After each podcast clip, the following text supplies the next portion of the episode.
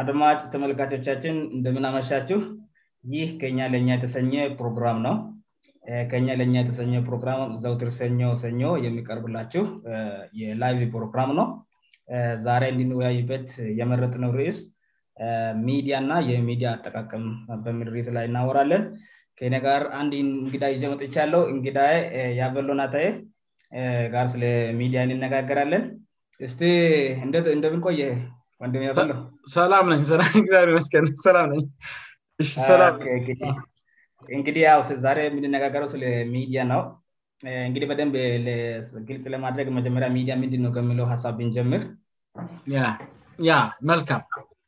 አመሰግናለሁ እንግዲህ ዛሬ አዲስ ፕሮግራም ነው ይዘን የቀርብ ነው ለእንግዶቻችን ወይም ለተከታታዮቻችን በአጠቃላይ በማስታወቂያ በነገርናቸው መሰረ አዲስ ነገር ነው የጀመር ነውእን ትልቅ የተከበሩ ሌላ እንግዳ ነበር የጠበቅ ነው ን ያው አጋጣሚ የሆነ እንግዳው ስላልተመቻቸው ው አልመጡልንም እና እኔው ያንተ እንግዳንኩ ማለት ነው ግን ሚዲያ ምንድንነ በሚለው እንደ መግለጽንጀምር ከተባለ ሚዲያ ማለት በህዝብና ይ በተለያዩ ተቋማት መካከል ሆኖ ወደ ህዝብ ጆሮ መድረስ የሚገባቸው መረጃዎች የሚያደርስ መሳሪያ ነው ብንልይሻአላሉ ይመስለኛል እና እንግዲህ የተለያዩ ዘርፎች ሊኖሩት ይችላሉ ሚዲያዎች የግል ሚዲያ ሊኖር ይችላል ደግሞ የህዝብ አገልግሎት የሚሰጡ ተቋማትን የሚመለከት ደግሞ ከሆነ የመንግስት ሚዲያ የሚባል ሊኖር ይችላል በአጭሩ ግን ሚዲያ ማለት ሰዎች ሀሳብን ለብዙ ሰው ለማሰራጨት የሚጠቀሙበት ስልት ነው ማለት ነው እና በጣም ወሳኝ መሳሪያ ነው ኔ በጣም ጥሩ እንግዲህ ሚዲያ እንደተባለው እግዲ ከሰዎች ጋር መረጃ ከአንድ ቦታ ወደ ሌላ ቦታ ለማሰራከል የምንጠቀምበት መሳሪያ ነው ተብሏል ረ በጣም ጥሩ ነውይ ሁለተኛ ሀሳብ የምናነሳው እንግዲህ ከጊዜ በየዘመናቱ የሌላ የሚዲያ አይነቶች አሉ ና አሁን ባለነቶች ዘመን የተኛው የሚዲያ አይነት የበለጠ ተመራጭ ነው ሀሳብ ለማስተላለፍ ስሻ ደግሞ በጣም ተደራሽነት አንጻርም ከአጠቃቀመ አንጻር የተኛው የተሻለ ነው ቢለት ይገምጣለስሱላንሽስ አሳብኝ ይትያ በአጠቃላይ እንግዲህ የሚዲያን ታሪክ ብንመለከት ከዚህ በፊት በነበሩ ዘመናት ሚዲያ የሚባለው ነገር ሲጀምር መጀመሪያ የሬዲዮ ኮሚኒኬሽን ሲስተም ነበር መጀመሪያ የተፈጠረው ማለት ነው ኦፍ ኮርስ ከሬዲዮ ኮሚኒሽን በፊት እንደ ቴሌግራም የመሳሰሉትም ነበሩ አጫጭር መረጃዎችን ብቻ ለማስተላለፍ ጥቅም ላይ ሲውሉ የነበሩ ከዛ ሬዲዮ የተፈጠረ ይማስ ኮሚኒኬሽን የምንላቸው የመገናኛ ብዙነ የሚባለው የተፈጠረው የሬዲዮ ሞገድ ከተፈለሰፈ በኋላ ነበር ና ከዛ ከሬዲዮ ቀጥሎ ቴሌቪዥን መጣ እነዚህ በጣም ፖፕላር ሆኑ ማለት ነው ቴሌቪዥን በምስልም የተደገፈ መረጃን ወደ ህዝብ የሚያቀርብ የሚዲያ ኮሚኒኬሽን ስልት ነው እና አሁን ደግሞ እኛ በደረስኝበት ዘመን ላይ ደግሞ ኢንተርኔት የሚባል የኮሚኒኬሽን ሲስተም ተፈጠረ ከኢንተርኔት ጋር ተያይዘ ደግሞ ማህበራዊ መገናኛ ሚዲያ የሚባሉ ነገሮች ተፈጥሩ በተለይ በተስስር ገጾች ወይም ደግሞ ይሄ ድረገጽ በምንላቸው የመገናኛ መንገዶች ማንኛውም ሰው የግል ሚዲያ ሁሉ ልኖረው ወደምችልበት ደረጃ ደርሰናል ማለት ነ እንደምትመለከተው ሰዎች ብዙ ተከታይ ሊያፈሩ ይችላሉ እንደ ዩቱብ አሁን ለምሳሌ ማህበራዊ መገናኛ ነው ዩቱብ ለየት የሚያደገው ምስልና ድምፅን በአንድነት ሰው ሁሉ በ የራሱ ሚዲያ ከፍቶ የሚያሰራጭበት ነው እነፌስቡክ ና እትዊተር እኢንስታግራምእና ሌሎችም ደግሞ አሉ እንደ በ ሰዎች ተከታዮችን እያፈሩ ሀሳባቸውን የሚያራምዱባቸው ሚዲያዎች በብዛት እየበዙ መጥተዋል ግን ማህበራዊ ሚዲያ ማህበራዊ አስፔክትም ስላለው መረጃ ብቻ ከማሰራጨት ባለፈ ማህበራዊ ጎንም አለው ማለ ማህበራዊ የሆኑ ነገሮችን ሼር እናደረጋል ለምሳሌ የራሴን የግል ህይወትም ለሰዎች ማሳየት ቢፈልግ የእምነት አቋመን ለሰዎች ማሳየት ቢፈልግ የፖለቲካ አመለካከትን ለሰዎ ማሳየት ቢፈልግ እንደው ለሰው ይገባል ከምለው መረጃ ውጭ ጨስ የሚፈልገውን ሁሉ ማራምደውንም ነገር ዛውስ ስላለ በሱ ምክንያት ሰዎች እንዲሳሳቡ ስለሚያደረግ ሰዎች ኔትወርክ እንዲሆኑ ስለሚያደረግ በጣም የተሻለ ሆኖ ይገኛል ማለት ነው መረጃን በአጭሩ ለማባዛት ለማሰራጭላመስ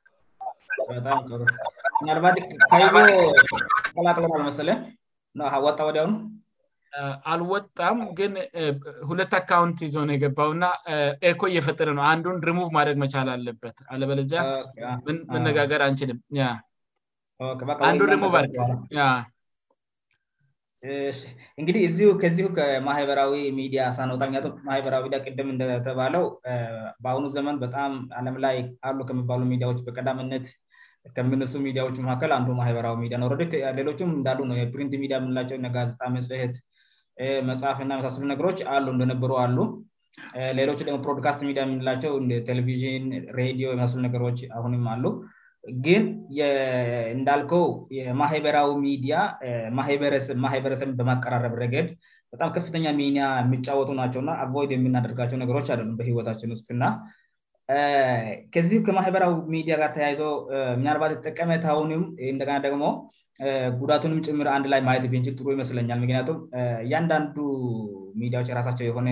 ጥሩ ጎን ኖራቸዋልእንደናደሞ አሉታዊ ጎ ኖራቸዋልእና እነዚህነገሮችን ስ በደንብ ብንለያያቸው ያ እንግዲህ ማህበራዊ ሚዲያን ትንሽ አስቸጋሪ የሚያደርገው ምንድነው ቅድምን እንደነገርኩ ማንም ሰው ሊኖረው ይችላል ማለት ማንም ሰው በባለቤትነት የሚያስተዳድራቸው ሚዲያዎች ናቸው ከዚህ ጋ ተያይዞ ለምሳሌ መገናኛ ብዙሀን የሳንሱር እንትን ነበራቸው ማለ የሚቆጣጠራቸው አካል ነበራቸው በነሱ በኩል የምለቀቀው መረጃ ሰው ጋ ቢደርስ ሊፈጥር የሚችለው ክትያዎችም ታሳቢ ይደረጋል ወይም ሰዎች ላይ የሚፈጥረው ተጽዕኖ በደንብ ከግምት ገብቶ በእነሱ የሚለቀቁ መረጃዎች በሚገባት አይተው ነው ተመርጠው ነው ወደ ህዝብ የሚለቀቁት በተለይ በመገናኛ ብዙሃኖች በኩል ማለት ነው ነገር ግን ወደ ማህበራዊ ሚዲያዎች ስትመጣ እንግዲህ ግለሰብ ስለሆነ የሚያስተዳድራቸው ግለሰቡ ደስ ያለውን ሀሳብ ሁሉ ሊያሰራጭበት ይችላል ስለዚህ ግለሰቡ ህልናው ጥሩ ካልሆነ አሳሳስቡ መልካም ካልሆነ ለክፋት ሊጠቀምባቸው ይችላል ማለት ነው እና ሰዎችን ለመለያየት መጥፎ ጥላቻን በሰዎች መካከል ለመስራት ልጠቀምበት ይችላል ስለዚህ አደገኛነቱ እዚህ ጋር ነው በግለሰቡ ህልና ላይ የተወሰነ ይሆናል ማለት ነው የማህበራዊ ሚዲያው ጠቃሚነት ወይም ጎጅነት ግለሰቡ ህልናው ልክ ካልሆነ ጎጅነቱ የዛኔ ያክል የሰፋ ይሆናል ግለሰቡ ደግሞ መልካም አሳሳሰብ ያለው ከሆነ ቤ ለመልካም ነገሮች ልጠቀምበት ይችላል ለምን በግለሰቡ ህልና ስለሆነ የሚዳኘው በ በግለሰቡ ሚዲያ በኩል የሚተላለፉ ነገሮች በግለሰቡ ህልና የሚዳኝ ብቻ ስለሚሆን እና ሌላ ተጨማሪ አካል መረጃን የሚቆጣጠር አካል ስለማይኖር ማለት ነውህረ እንደተባለው ማበራዊ ሚዲእህማንም ሰው ፍቃድ አውጥ በህጋው ፕሮጥ አልፎ አለሚቸውጭ ብ የኢንርትንቴክኖሎጂስለሚጠቀምሞበተፈጥቁጥጥር ጭነንም ሰው እንደፈለየሚየሚች ማበራዊሚዲላ የሚፈጠሩ ናቸው የምለን ሀሳብ እንግዲህ እንወስዳለን ይስ ለምሳሌ ከዚ ሳኒበ የተጠቀምን ያለ አን ማህበራዊ ሚዲያ ንዱ ስለሆነ ከዚ ሳኒ ሳ ለምሳሌ በጣም ለፖዘቲፍ ነገር መጠቀም አንችልም ወ ምሳሌ እነዚህ መረጃ ከማሳለጥ አንጻር እደ ደሞ የተለያዩ በቦታ የሚደረጉ አንዳንድ መረጃዎች ከማድረግ አንጻር ፖቲቭ ሳይዶ ምን ያህል ነው በጣም በተለይ ፖቲላይ በደንብ ናተኮርበትበደብ ልማት ስ ልማት መረጃ ከማገኘት አንፃር ያለው ዳ ምንያል ነበለይማህበራዊ ዳ የለው ስንሽ ሀሳብ ይሰጥበትወደ በጣም እያመዘንክ ነ ልናገር ምባትጋይቦምጋተረጋግቶ የተዘጋጀ ይመስላል ን ቅድም በጣም እየተቸገረ ነበር አሁን በጣም ተዘጋጅቶ መጥቷል በአጭሩ ምንድንነው ማህበራዊ ሚዲያዎች በጣም ወሳኝ የመረጃ ማስተላለፊያ ምንጮች ሆነዋል ከዚህ በፊት እንደው ዝም ብሎ ለማህበራዊ መሰብሰቢያነት ብቻ እንደሆኑ ነበር የሚታሰቡት እንደምታወቀው ማለት ነው ምናልባት ከዛሬ አምስት ዓመት በፊት ማንም እንደቁም ነገር አይቆጥራቸውም ሰዎች እንደው ፎቶግራፍ ቆንጆ ቆንጆ ነገሮችን ብቻ ሸር የሚያደጉባቸው ነበር የሚመስሉት አሁን ግን ምን ያክል ሰውን መድረስ እንደሚቻል ከታወቀ በኋላ መንግስታት ሁሉ የመንግስት መስሪያ ቤቶች ሳይቀሩ የማህበራዊ ሚዲያ ገጾችን እየከፈቱ ይሄ በማስ ሚዲ በመደበኛው የማስ ኮሚኒኬሽን ቴክኖሎጂ ባለፈ ኢፌክቲቭ ሆኖ ስላገኙት እየጠቀሙበት ያለበት ሁኔታ ነው ያለው እሱ ብቻም አደለም ማስ ሚዲያ የምንላቸው ይሄ ተመዝግበው ፈቃድ አውጥተው ለሚያሰራጫቸው መረጃዎች ተጠያቂነት ያለባቸው የሚዲያ ተቋማት አሁን የማህበራዊ ትስስር ገጾችን እየጠቀሙበት ያለ ሁኔታ ው ያለ ምክንያቱም ነባሩ ዘዴ የዚህኒያክል በአሁኑ ዘመን የሚፈለገውያክል ውጤት እያመጣ አለ በጭሩ ማለት ነው ስለዚህ ሰውን ከመድረስ አንጻር በጣም ኤፌክቲቭ ከመሆናቸው አንጻር ወይም በጣም ውጤታማ ከመሆናቸው አንጻር የተሻለ ሆነ ስለተገኙ እንግዲህ መልካም አስተሳሰብ ያላቸው ሰዎች የሆነን አካባቢ ለማልማት ቢፈልጉ ሰውን እንኳን ሰብስበው ወደ አንድ አላማ ለማምጣት በጣም እደድ አሉ እሱ ብቻ አደለም ድጋፍ ሲሰበሰብ አይተናል ለምሳሌ ሰዎች ሲጎዱ በማኅበራዊ ሚዲያ ነው ድጋፍ የሚሰበሰበው እና በአጭሩ የተለያየ ዓለም ክፍል ውስጥ ያሉ ሰዎች ለሚፈለገው ችግር ላለበት አካባቢ የሚፈለገውን እርዳታ በአጭር ጊዜ ውስጥ ማዋጣት የሚቻልበት ሁኔታ አለእና ለልማት እንጠቀመው ካልን ማለት ለበጎ ነገር እናውለው ከተባለ እስካሁን በአለም ላይ ካሉ ሚዲያዎች ሁሉ በከፍተኛ ሁነታ ጥቅም ላይ እየዋላ ያለበት ሁኔታ ነው ያለው ማለት ነው ምክንያቱም ኢንተርኔት እንደምናውቁ አሁን ኢንተርኔት ምናልባት ሀገራችን ላይ ከፈረጁ ትንሽ አነስ ያለ ቢሆንም አሁን ገጠርና ከተማ የሚባል ነገር የለውም በኢንተርኔት ድሮ ሚዲያዎቹ አካባቢን ይለዩ ነበር ለምሳሌ ቴለቪዥን ሁሉም ቦታ አይደርስም ለምሳሌ አደለም ሬዲዮ ሁሉም ቦታ ይደርሳል እሱም ቢሆን ግን በ የሆነ ቦታ ተሰብስበ ተቀምጠ ነው ልሰማ የሚገባው አሁን ይሄ በኪሳችን ይዘን በምንዞረው ስልካችን ላይ ስለሆነ ማየት የምንችለው ገጠርና ከተማ ስለማይል በጣም የተሻለ ሆነው ተገኝጧል ስለዚህ ሰዎችን ደበጎ ነገር ለማንቀሳቀስ ፈጣኑና ምናልባትም ከሁሉም የተሻለ ነው ብዬ አስባለ በጣም ጥር ምናባት ይጎ የሚሰማ ከሆነ እንግዲ እናንተም እዛም አካባቢ በደብ ታቀላቸው ሚዲያ አጠቃቀምና ያለው አድቫንቴጅ ላይሁራያቀመው ለህብረተሰቡ የሚሰጠው ጠቀመታ ምን ያል ነው ከዚጋ ደሞጨምረህ የምትነገር ባትአ ታ ያለ አንዳንድ ጊዜ ሶሻል ሚዲያ ምስየምትጠቀም ፌስቡክምስ የምጠቀምእና የኛ ሀገር የሶሻል ሚዲያ አጠቃቀመምንመስላል ብገምል ከበት ጠቃሚው ሳይድ ነው የሚጎላ ይ ፉ ሳይ ው የሚጎላ የ ገአንድ ላይ ብታታ ጥሩ ነው ዬስባላ መሃል ላይ ነው የቀበበት እንግዲህ ረታ ትንሽ አስቸግረን ስለነበር ነው እና በጣም እናመሰግናለን ስለአዘጋጃ እንደሆን ስላረጋችት ግን ይህን ሁሉ ከመናገረ በፊት ከዚህ በፊት እንግዲህ ብዙ ቁም ነገሮችን አስታውሳለሁ አንድ ቀን እንደተወየን አስታውሳለው ፓርቲዎች ለመመረጥ እንደሚያደጉትን ክርክር ግዛምትን በማድረግ አንዳንድ ሀሳቦችን ስተን ነበር ከጸጥታ ማንፃር ከአገልግሎት ማንፃር የሆነ ነገር እንዳልታስታውሳለው እንግዲህ ይህ ጠቀሙበት እንደሆነ ግዛን የሆነ ነገር ይታየኛል አሪፍ ነው ያለው እንግዲህ እኛ ሀሳብ ስንሰጥ የምንሰጠው ሀሳብ እንደ ወንድምና እንደ ቤተሰብ የምሰማንን ነገር ነው ወደ ፎርዋርድ እያደረግ ያለ ነውእና በዛ አይነት መልኩ እንዲታይልን ነው እኔትን የምንለው በመጀመሪያ ደረጃ እንግህ በሚዲያ አጠቃቀም ዙሪያ ሊለምችለው ምንድን ነው ሚዲያ ለሁሉም ሰው ክፍት ነው ለማበላሸት ለፈለገ ሰው ክፍት ነው ለማልማት ለፈለገ ሰው ክፍት ነው ስለዚህ እንደየሰውየው አጠቃቀም ነው የሚወስነው እና ብዙ ጊዜ ኔ ከሚጠቀመው ከሚገናኛቸው ሰዎች አንጻር ሳየው ትንሽ የሚዲያ አጠቃቀም ችግር አለ በጣም አለ በበጎ መልኩ መጠቀም እየተቻለ ግን በተለያየ ለምሳሌ ያህል አንድ ነገር ለማድረግ ስናስብ ሚዲያ ስንጠቀም ለማጣላት መሆን የለበትም ወይም ለማጋጨት መሆን የለበትም እሱም በማድረግ የምንጠቀመው ነገር ስለሌለ ለመሳሪያ መሆን የለበትም ምናልባት አንድ የሆነ ሰው ስሰድብህ ከሱ ጋር ችግር የሆነ ስላለ ነው የሚሰድብህእና እሱን ሰውዬ እንዳይሰድብህ ወይምእንደዛ አይነነገር እንዳያደርግ የሚመክረው ነገር ነው እሱን መገንባት ያለብህ እን መል መሳደብ የለብ ይሄትን አለ መሰዳደያቦታ ልሆን አይገባም አስፈላጊ አደለምአይጠቅመንም እ የሚጠቅመን ተያይትን ችግር ካለ በመፍታት ነው እን በፖዘቲቭ ወይ መነጋገር ነው እየሚጠቅመን ሚዲያ ስላገኘን ብቻእና ተቆጣጣሪ ስለሌለው ብለን እንደፈለግን የአንድን ሰው ወይም የሆነን ሩፕ ስም በማይገባ መልኩ እንትን ማድረግ ትክክል ለ እሱን አንደርስታንድ አድርገን መጠቀም አለብን ለመገንባጥም ከፈለግን አብዙ ነገሮች መስራት እንችላለን ነው ለመማማር ብዙ ነገር አለ እን ማማር እንችላለን እና እንደየሰውየ እንትን ነው ብዙ ጊዜ ሰው የሚያጠፋው ወዶምትን አሜን አውቆም ላይሆን ይችላል በተለያ ችግር ሰው ላጠፋ ይችላል በአለማወቅ ሊሆን ይችላል ያጠቃቀም ችግር ሊሆን ይችላል ለዛ ነው አሁን ሀሳባችን የምንሰማንንነገር የምንናገረው እና ወንድሞቻችን ይህን ሚዲያ ሲጠቀሙ ወይም የተኛውም ሌላ ሚዲያ መስምሮች ሲጠቀሙ ምንድ ነው አላማ እሱን ነገር ሊስራ ያሰብኩበት ለህዝብ እንድደርስ የፈለጉበት ምክንያት ምንድን ነው ምን ይጠቅመኛል ምን ደስታ ይሰጠኛል እንደዛ ሲያደርግ ክልብ የሆነ ምን አይነት ለውጥ ይሰጠኛል የምለውን ነገር ግንዛቤ ውስጥ አስገብትነ አንድ ሰው መጽሀፍ ያለበት ወይም መናገር ያለበት የማይጠቅም ከሆነ የመጋጭ ከሆነ የሚረብሽ ከሆነ አላማ ያሌለው ነገር ከሆነ ለራሲ ቢታደረገው ነው ሚሻለው እንደዛ ነው እ የምሰማኝ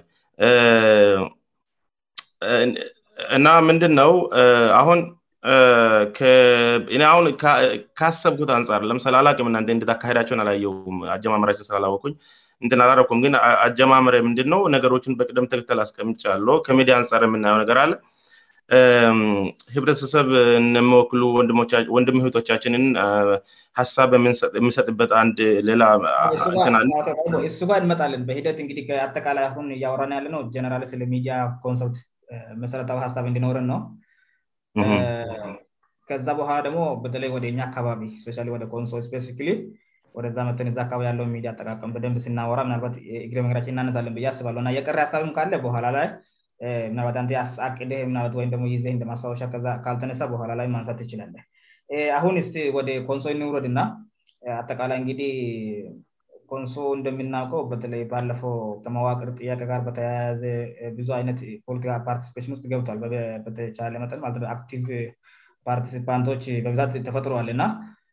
እነዚህ ፓርቲሲፓቶች ደግሞ በዋናነት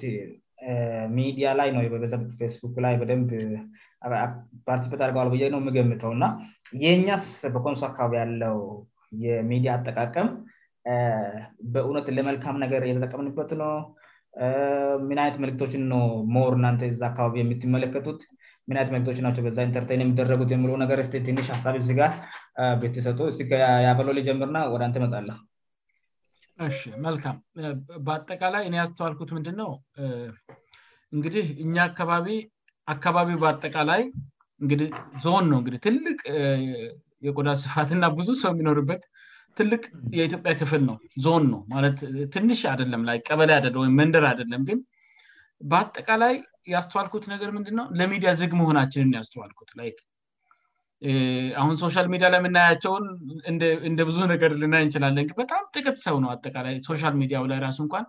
እየመጣ ሀሳቡን የሚገልጸው ወይም ደግሞ ሀሳቡን የሚያጋራው ሰው በጣም ጥት ነው ግን አጠቃላይን እንመልከት ካልክ በአጠቃላይ የእኛ ሰው ለሚዲያ ራሱ ያለው አመለካከት ራሱ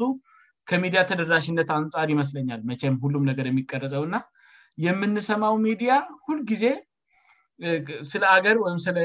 ስለ ሌሎች አካባቢ ሲወራ ነው እግዲ በሌሎች ሰዎች ሚዲያ የሚሰማው የኛ አካባቢ ሰው እንጂ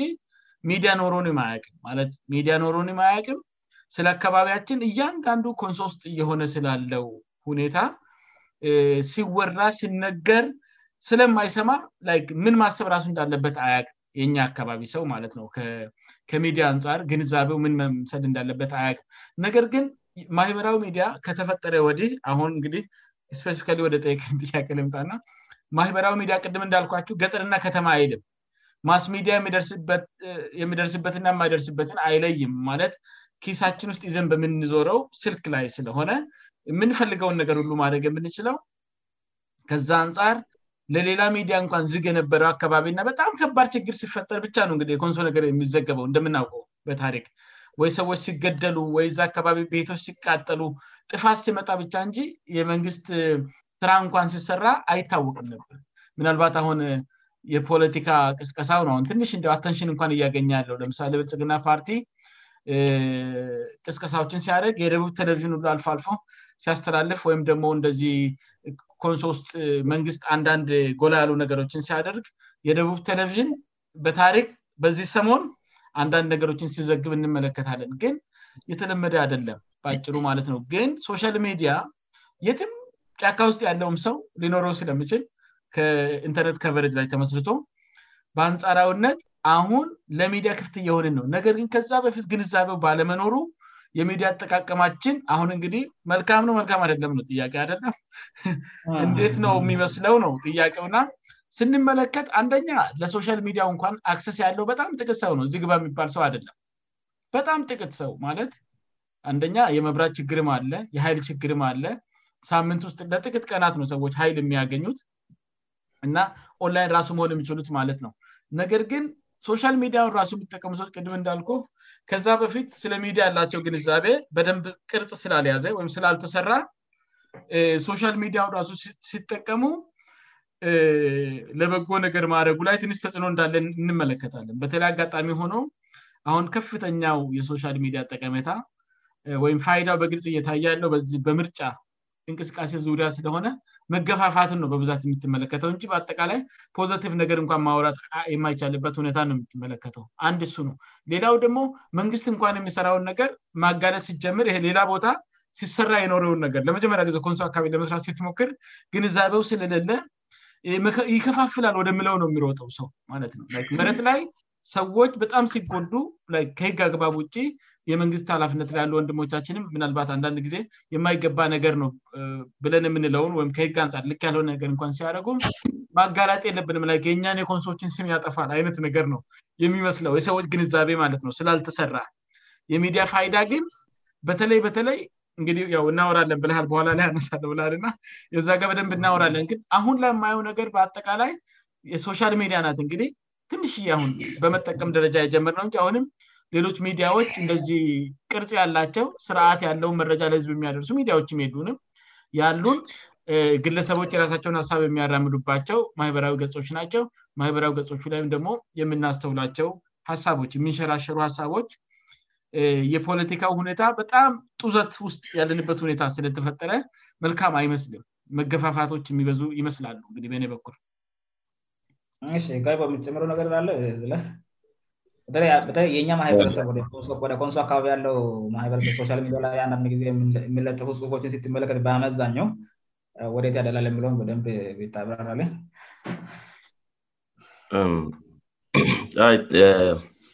በደንብ አርጓር ባንትን ብሎታል ጓደኛችን ግን ምንድነው ትንሽ መንፈሱ ማለት አሁን እኛ ያለንበት ኢንቫይሮንመንት እንደዛ አይነት አይደለም ግን እዛ አሁን ያለው ነገር ፊትክያላይነ እንትን እያሉ ነው ሰው የሆነ ነገር ለመውሰድ ሆለውጫ የተዘጋጁ ነው የሚመስሉት የምናገሩትነገንትን አለም ከቅንነት አለለ አንዳንዴ መሸነፍን ማሸነፍ እያለ ታስባአለ በምን መልኩ እ ይሉ አካሄድይ ነው የምታየውና አንዱን በማጣጣል አንዱን በመሳደብ ወይም አንዱን በማዋረድ አደለም መሆን ያለበት አንድ ነገር ሲታደርግ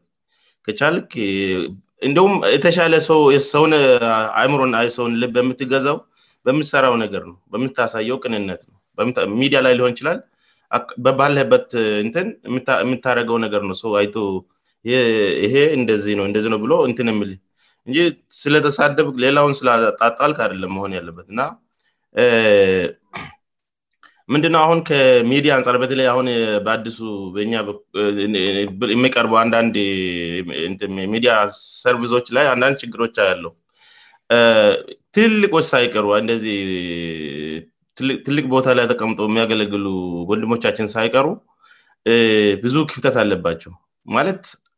ከአንደርስታንድንግ ችግር ይመስለኛል እእንትን አደለም ምንድነ እ የሚታየው የሚዲያ ግራንድ ላይ ወየተፈውን ነገግራንድ ላይ የተፈጥረውን ነገር ህብረተሰብ ውስጥ እየተካሄድ ያለውን ነገር በፖዘቲቭ ሳይድ በነገቲቭ ሳይድ የሚሆነውን ነገር አይቶ መረጃ ሰብስቦ ተጨባጭ የሆነ መረጃ ከሰበሰበ በኋላ አጣርቶ ወደ ህዝብ የሚያደርስ ነገር ነው ህዝቡ ይህን መረጃ አግኝጦ ደሞ በዛ መልኩ ጥፋት ከሆነ ጥፋት የሰሩ ሰዎች እየተጋለጡ እንደሆነ አውቀው የራሳቸውን እንዳያስተካክሉ ሌላ ጊዜ እንደድጋመ ጥፋት እንዳይሰራ ለማድረግ ነዲ የሚያገለግሉ ይሚዲያ ዋና ስራው ነው ስለዚህ የሆነ ክፍተት ሲፈጠር በተለያየ ምክንያት ለምሳሌ አሁን ዜማናብልጽግና በሚባለው ጉዳይ ላይ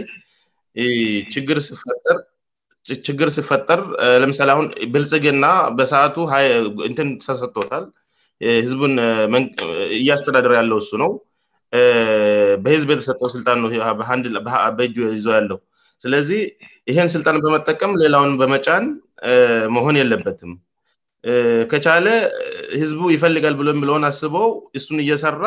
ህዝቡን ልብ መግዛት ነው ያለበት እ ሌላ ሰው ምናልባት እንግዲህ ብልጽግና ሌላ ሆኖ ከመጣ አላቅም የተሻለ ፓርቲ ሆኖ ከመጣ እንግዲህ ወደፊት ያለውን ነገር እናያለን በተለይ በኮበኛ ደረጃ ወርዶ ስታይ ከዚህ በፊት ስደረገ የነበሩት እንግዲህ በኢህአዴግ አሳበን ታሪክ ነው ብለን እንለፈው የተፈጠሩ ብዙ ፋቶች ነሩብዙ ነገሮች ነበሩ እነሱን ያው ዛነ ጦሱን ይዞት ብለን እናስበው እና ከአሁን በኋላ ሚመጡ ሰዎች የተሻለ ይሰራሉ እስካሁን የሰሩትን ነገር እያየን ጥሩም የሆነ መጥፎው ሰው እየታዘባቸው ነው እና እንደሱ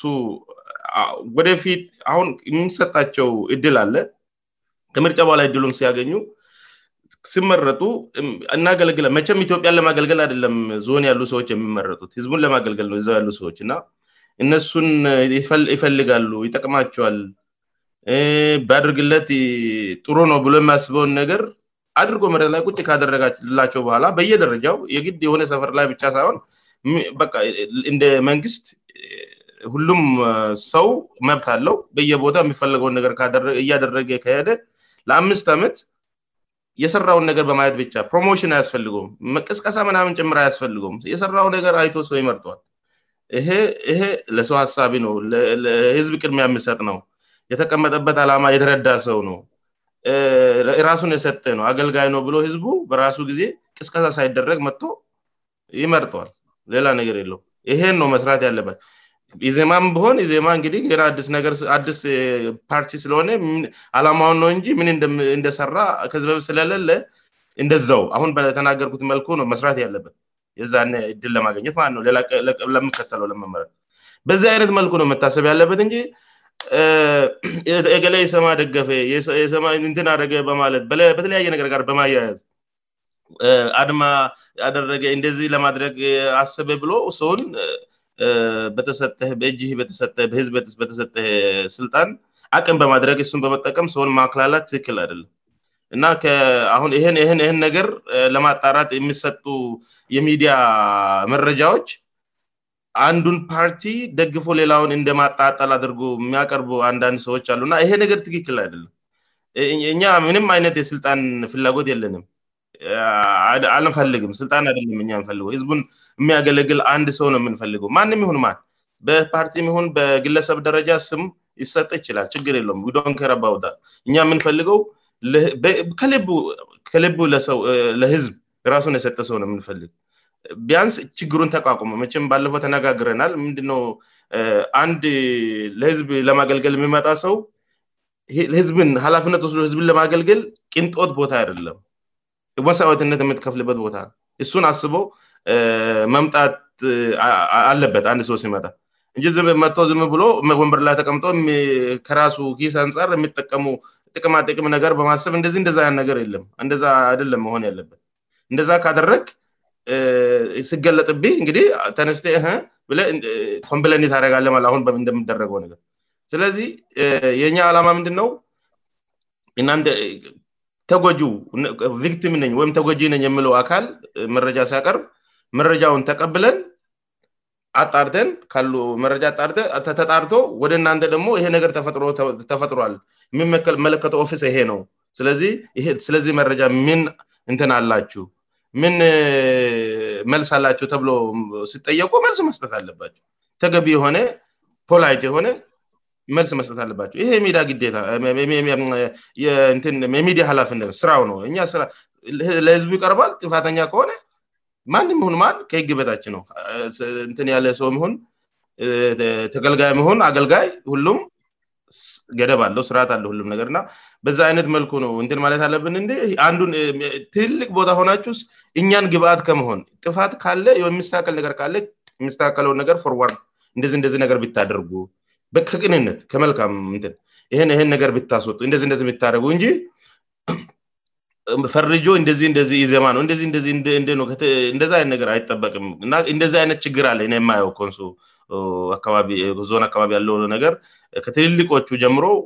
የተቀመጡ አሉበ ፓፓርቲን ነው ፕሮሞት የሚያደጉት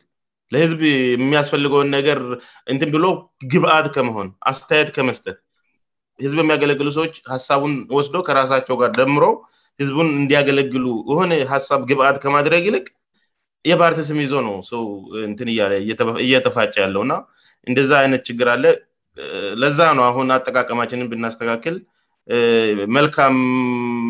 ወደ መልካም የሚያመዝነውን ሳይድ ዘን ብንጠቀመው ሚዲያ ትልቅ ፓወር ነው ትልቅ ጥቅምአለው ሁሉንም ሰው በአንዴ አገናኝቱ ሀሳብ እንቀየር የሚያደርግ ትልቅ ትን ነው ስለዚህ በዛ አይነት መልኩ እኔ የሚመለከተው የኛ አካባቢ የሚዲበጣም የምናመሰግናለን ምናልባት ቅድም የሚያባለ በተወሰነ መልኩ ያነሳው ምንድነው ሚዲያ አጠቃቀመተላይ እዚህ ሀላፊነት ላይ ያሉ ሰዎች እንመስ ናቸው ትልቅ ሚና መጫወት የነበረባቸው እና በብዛት መረጃ ያለ መስጠትና መረጃ መስጠትን የመፍራት አይነት ነገሮች ብዙ ጊዜ ይስተዋላል ንእኛ ጋ ብቻ ሚሳፈን በተለይ አንዳንድ ጊዜ እነዚ አለም አቀፍ የሆኑ እነዚህቪኤ ወይም ደግሞ የጀርመን ዲዮ የመሳሰሉነገሮች የሚታወቁ ሚዲያዎች ቨን መረጃ በሚጠይቁበት ጊዜአንዳንድ ጊዜ መረጃን ስልክ ለምአንሳት መረጃን ያለ መስጠት እና እንደ ክፉ ቅድም ያፈሎ እንዳነሳነነ ሚዲያን እንደ ው ሰዎች የሚሳደቡበት ብቻ አድርጎ የልጥ የማየትና መልካም ነገሩን ያለ ማየት ነገር ይታያልና ይሄ ነገር ከምን መነጨ ይመስላል ሰዎች ለምንድ መረጃ ለመሰጥያ ቃደኛ የማሆኑት ዚ ላይ ራሱ ሰዎች እንዲሳተፉባለፈው ጋብዛናቸው ነበ የጠፉሉ በሚዲያ ማስታወቃ ተለጥፈዋል የመፍራት ነገርአለ መፈራራትና ሆን አለአደለም ላይየተሳተፈሰውወይም የተናገረሰውይ ተቃዋሚወይሞሌላ አይነት ጎራውስጥ የመመደብነገር አለእና